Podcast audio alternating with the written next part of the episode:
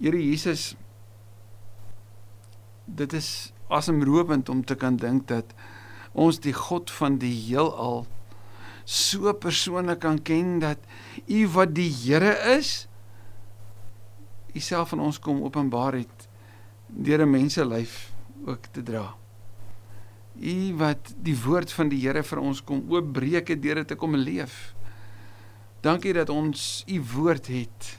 Soos deur die eeue heen, letterlik die eeue heen, vir millennia al, het ons die voorreg om oor u wil en en u woord na te dink en dit toe te pas en ons wil net vir u Jesus die lewende woord vir kom dankie sê. Ons wil u aanbid, ons wil voor u buig en sê u is heilig en u is goed. En so in die aanvang van hierdie nuwe jaar wat al klaar 'n lekker stuk momentum opgebou het. Wil ons vir u kom vra asseblief in hierdie tye, o Heilige Gees, kom help ons om vandag net regtig stil te word. Regtig net die die spoedmeters in ons in ons harte na nul toe te draai en regtig net te luister. Om die klanke om ons af te sit.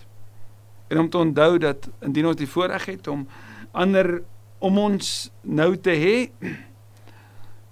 om hulle ook kere die ruimte te gun om uniek na u te luister soos wat ons na u luister.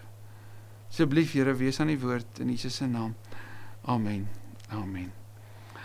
Israel was bekend gewees as die mense van die weg, want hulle het gereeld gepraat oor hierdie weg waarop hulle op pad is. Die vroeë Christene het hulle self juist dit genoem, die mense van die weg. Maar Israel se storie begin by die uitweg, die ex-hodos. Hodos in die Grieks beteken pad. Hierdie storie van die uittog is een van die merkwaardigste stories, gebeurtenisse in die ganse geskiedenis. Die feit dat 'n volk onderdruk was in slawerny deur die Egiptenare, gebid het en gevra het, Here kom bevry ons en die Here wat dan een van hulle na hulle toe terugstuur. Een wat voorberei was vanaf sy geboorte. Een wat vanaf 'n bisiemandjie na 'n staf in die hand leier gegroei het. Een wat hulle in die woestyn inneem en wanneer hulle in die woestyn kom, dan dan loop hulle water te daar in hoofstuk 14. En dan sal Moses vir hulle sê: "Bly julle maar kalm, die die Here sal vir julle veg." En dan sien ons daai reis van 40 jaar wat deur die woestyn, deur die wildernis gaan van hierdie volk Israel wat moes leer wat dit beteken om in Jahwe te glo. Jahwe, die een wat gesê het ek is vir Moses, is die een wat hulle moes leer wat sy wil is. Daarom gee hy op twee klipplate vir hulle die die wil van hom in die 10 gebooie. En daarom leer hy hulle hoe hulle moet praat, hoe hulle moet doen, wat dit beteken om as sy volk uitgeken te word, hoe hulle anders lyk, ook in hulle klere drag, maar in hulle verhoudings, in hulle gebruike, ook in hulle eetgewoontes. Hoe in alles wat hulle doen, daar iets moet wees van 'n gewydheid, ja, 'n toegewydheid aan hierdie Here wat hulle aanbid wat jy nie in 'n mensgemaakte vorm kan saamvat nie wat nie een of ander natuurkrag is nie, maar die Here wat sê hy is.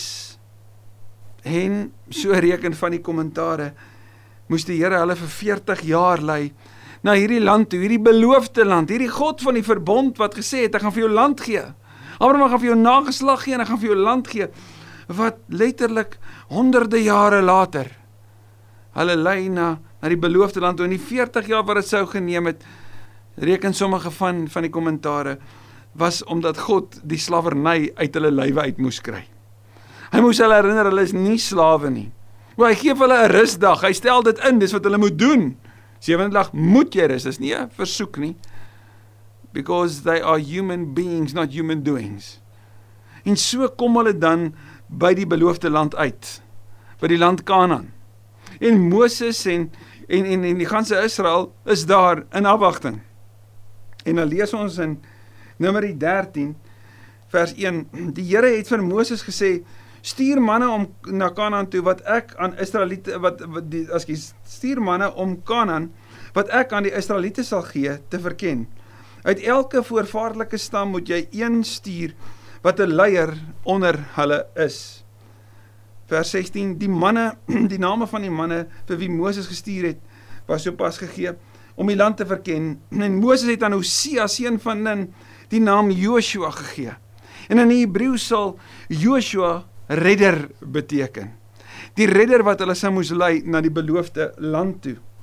Moses het hulle gestuur om Kanaan te verken en vir hulle gesê: "Trek deur die suidland en op na die bergwêreld toe. Bekyk die land, hoe dit is, en of die mense wat daar woon sterk of swak, min of baie is, of die land waarin hulle woon goed of sleg is, en of die mense se stede oop of versterk is, of die grond vrugbaar of skraal is, of dit bome het of nie. Doen julle bes om van die land se vrugte saam te bring, want dit was juis die tyd vir die eerste drywe. En dan gaan hulle. En hulle gaan vanaf die Negev woestyn aan die onderkant gaan hulle in en en vanuit die wildernis as dit ware betree hulle Kanaan vanaf die suidekant beweeg hulle na die noorde toe. Die noorde het die meer vrugbare grond gehad. Wel ons gaan sien die baie vrugbare grond. En dan sien ons dat hulle na 40 dae en weer hulle was 40 jaar in die woestyn, nou 40 dae. 40 is so 'n simboliese getal van volledigheid ook in die Ou Testament, selfs in die Nuwe Testament ook. Nou kom hulle terug. Vers 25 nadat hulle die land 40 dae lank verken het, het hulle teruggekom. En die verkenners, dis nou die 12 van hulle, het toe by Moses en Aaron en die hele vergadering van die Israeliete by Kades in die Paran woestyn aangekom. Daar het hulle aan Moses hulle en aan die hele vergadering verslag gedoen en vir hulle die vrugte van die land gewys. Hulle het aan Moses gerapporteer en gesê: "Ons het in die land gekom waarheen U ons gestuur het. Dit loop oor van melk en honing en hier is van sy vrugte. Van daai vrugte waarin die druiwe tros deur twee manne gedra moes word. Wat iets vertel van die mildadige seën op die oeste in Kanaan." Maar die mense wat in die land woon is sterk en die stede is versterk en baie groot. Ons het ook die na, nasate van Enak daar gesien. Die Amalekiete woon in die suidland, die Hetiete en dan 'n klomp ander. Vers 30. Caleb het egter die manne wat met Moses praat stil gemaak en gesê: "Ons moet beslis optrek en die land in besit neem, want ons kan dit doen." Sien, ons gaan nou sien hoe Caleb se vertroue nie in Israel se vermoë is nie hierdie volk wat baie goed was in reis. Hulle sou baie goeie reisgeselskap wees. Maar om oorlog te voer, veral teen hierdie groot volke, veral teen hierdie reuse die Enakite, daarvoor het hulle nie kans gesien nie. Maar Caleb sê ons kan dit doen.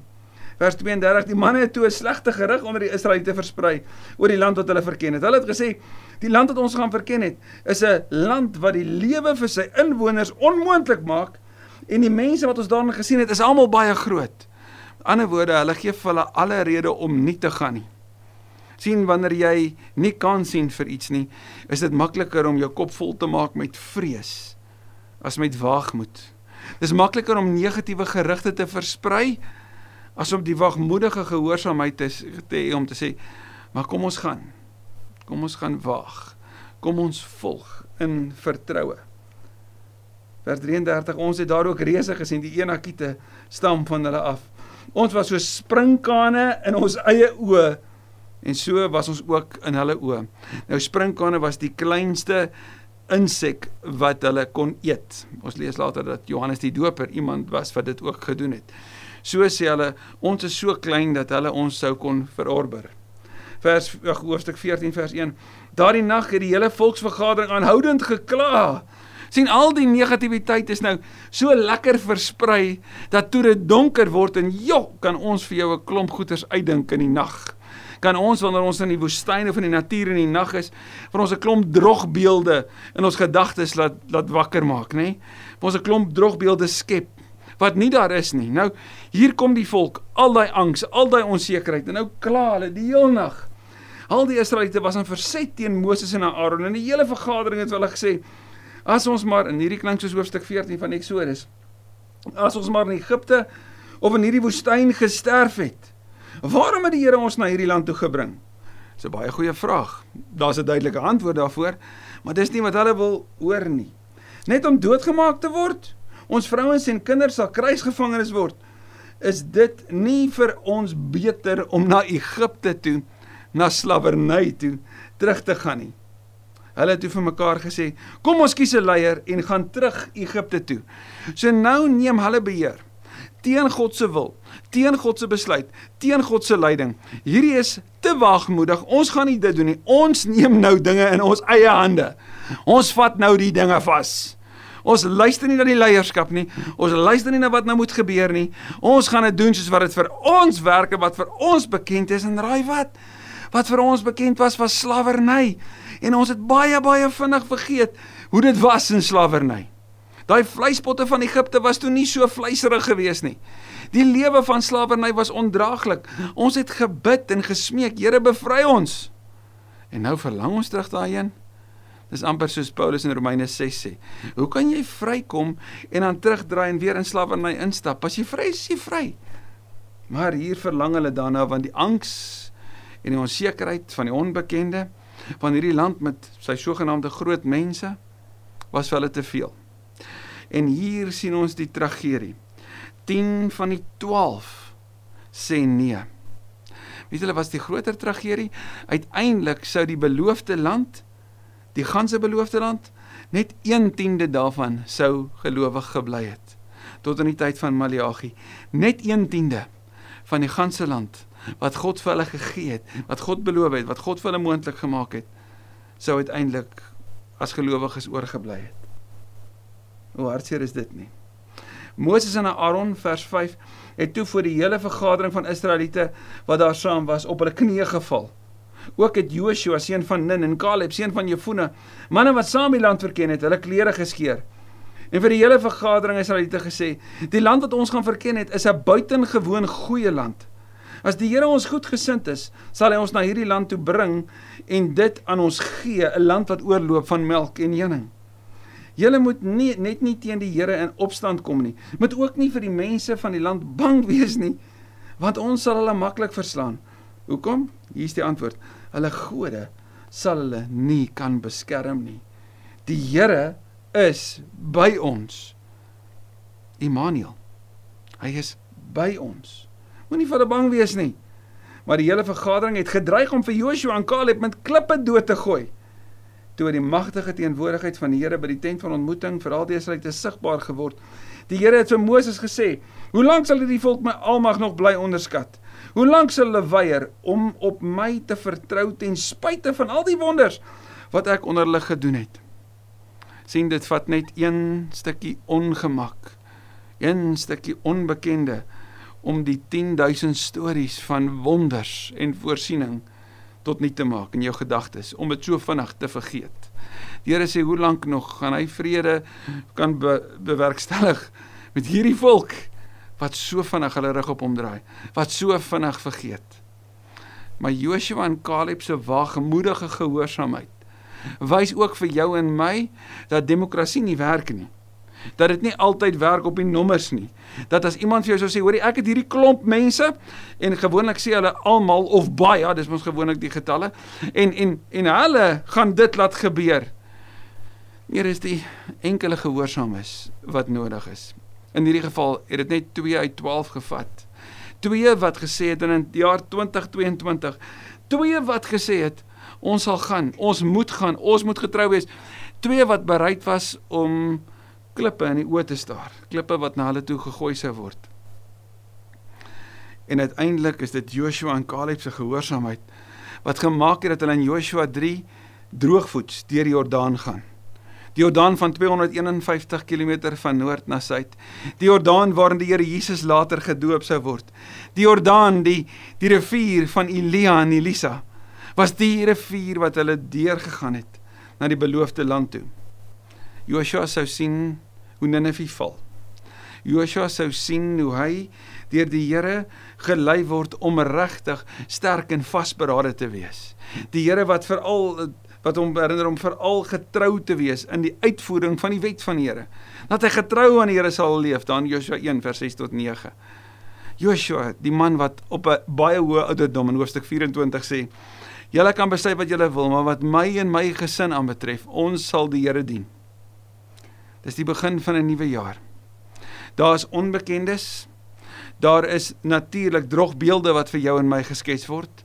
Daar word vir ons vertel hoe groot en hoe gevaarlik en hoe sleg. Maar dis nie 'n jaar van laar trek nie.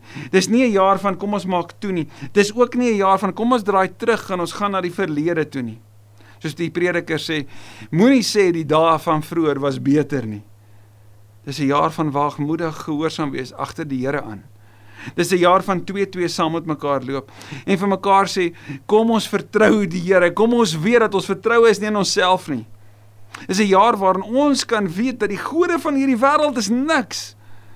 Want hy wat in jou en my is is groter en sterker as hy wat in die wêreld is. God het nie vir ons 'n gees van vrees gegee nie. Nie van lafhartigheid nie, maar van liefde, krag en selfbeheersing. Mag ons daarom hierdie jaar wagmoedig aanpak, ongeag wat voorlê. Ons weet nie wat môre, oor môre of oor 'n maand gaan wees nie. Ons weet nie wat die media van ons gaan opdis nie. Ons weet nie wat die medies vir ons gaan na vore bring nie. Maar een ding weet ons verseker, die Here is klaar daar. Hy is die Here wat getrou is aan sy belofte. Hy is die Here wat al is daar net 'n klein handjie vol wat oorgebly het, dit genoeg is. Hy's die Here wat uit 12 manne waarvan uiteindelik net 11 oorgebly het, hy 'n opdrag gestuur het, gaan na die wêreld toe. Die Here wat uit daai groepie 'n massa gemaak het. 'n Massa mense wat vandag bymekaar kom om te erken Jesus is die Here. Die onbekende lê voor. Wat gaan ek en jy kies? Vrees? Was baie baie redes seker om om bang te wees as ons na al die verkeerde nuus luister of waagmoed en vertroue? Kies ek vir gemak of kies ek om gehoorsaam te wees en te dien? Kies ek om onbetrokke op afstand te bly en te kritiseer of om betrokke te wees en naby te wees? Om daar te wees waar die Here is. Josua moes later leer om sy skoene uit te trek want hy was op heilige grond. Wat voor lê is 'n jaar van kaalvoetstap agter hom aan. Want ons is op heilige grond. Amen. Kom ons bid saam. Dankie Here Jesus vir hierdie kosbare kosbare dag. Dankie vir u kosbare woord. U woord wat so tydig is, so relevant is. Here, ek weet dit daar baie redes sal wees vandag in ons lewens wat ons na vore kan bring wat ons op die tafel sou kon sit. Oor hoekom ons dalk onseker is, selfs bang is, hoekom ons sou verlang na die verlede. Hoekom ons sou hinker na stories uit die ou dae want wat kom weet ons nie. Maar dankie dat u getrou is, dat u aan die beweeg is, dat u die herder is wat voorstap, die herder wat u lewe gee vir die skape. Die herder wat dit vir ons moontlik gemaak het om ander kant die graf te mag kyk. Die herder wat sê ek kom weer. Daarom met verwagting sê ons kom Here Jesus. Kom. Dankie dat ons kan weet dat hierdie jaar en alles wat vir ons voorlê wonderlike geleenthede gaan inhou. En dat U soos in die verlede baie meer gaan doen as wat ons kan bid of dink, ver meer. Maar ek bid so dat vir elkeen van ons, vir elkeen wat hierna luister op hierdie oomblik, dat Paulus se gebed in Efesiërs 3 so waar sal wees dat ons sal weet hoe wyd en ver en hoog en diep die liefde van Christus strek. Dat ons heeltemal vervul sal word met die volheid van God omdat ek weet dit U wil is bid dit in Jesus se naam. Amen.